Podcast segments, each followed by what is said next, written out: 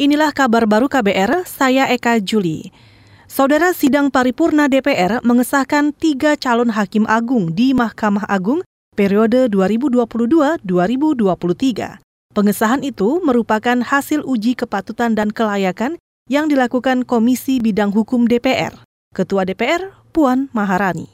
Apakah laporan Komisi 3 DPR RI atas hasil uji kelayakan fit and proper test terhadap calon hakim agung Hakim Agung dan calon hakim ad hoc HAM pada Mahkamah Agung tahun 2023 tersebut dapat disetujui. Itu tadi Ketua DPR Puan Maharani. Tiga nama calon hakim agung terpilih yaitu Lukas Prakoso sebagai Hakim Agung Kamar Perdata, Imam Rosyadi sebagai Hakim Agung Kamar Agama, dan Luli Tri Cahyaningrum sebagai Hakim Agung Kamar Tata Usaha Negara. Sebelumnya, Lukas merupakan Direktur Pembinaan Tenaga Teknis Peradilan Umum Direktorat Jenderal Badan Peradilan Umum Mahkamah Agung. Sementara Imron Rosyadi adalah Ketua Pengadilan Tinggi Agama Samarinda dan Lilih Tri Cahyaningrum sebagai Direktur Jenderal Badan Peradilan Militer dan Tata Usaha Negara di Mahkamah Agung. Kita ke soal lain. Menteri Pemuda dan Olahraga Dito Aryo Tejo akan menunaikan tugas dengan aksi nyata. Dito menegaskan tidak memedulikan pihak yang meragukan penunjukannya sebagai Menteri Pemuda dan Olahraga.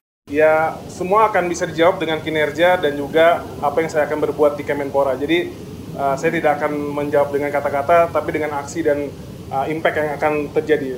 Kawan-kawan wartawan, semoga ya butuh dukungan kawan-kawan wartawan dan media, dukungan serta input-input. Yang pasti dengan saya yang masih muda ini, ya gunakanlah saya sebagai media untuk meng apa menyampaikan aspirasi dan juga keinginan rakyat muda.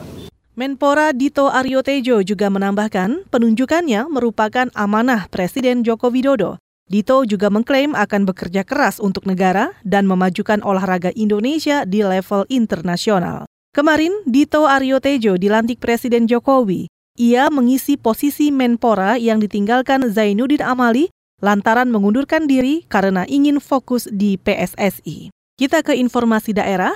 Pemerintah Provinsi Sulawesi Tenggara akan merehabilitasi 25 hektar hutan mangrove tahun ini. Kepala Bidang Pengelolaan Daerah Aliran Sungai dan Rehabilitasi Hutan di Dinas Kehutanan Sulawesi Tenggara, Laode Yulardi, dikutip dari Antara menjelaskan program rehabilitasi kawasan hutan mangrove itu menggunakan dana bagi hasil APBD, bukan dana alokasi khusus. Program rehabilitasi tahun ini, menurut Yulardi, Berbeda dengan tahun sebelumnya, di mana pada 2022 Pemprov Sulawesi Tenggara bisa merehabilitasi 300 hektar kawasan hutan bakau di bumi Anoa itu.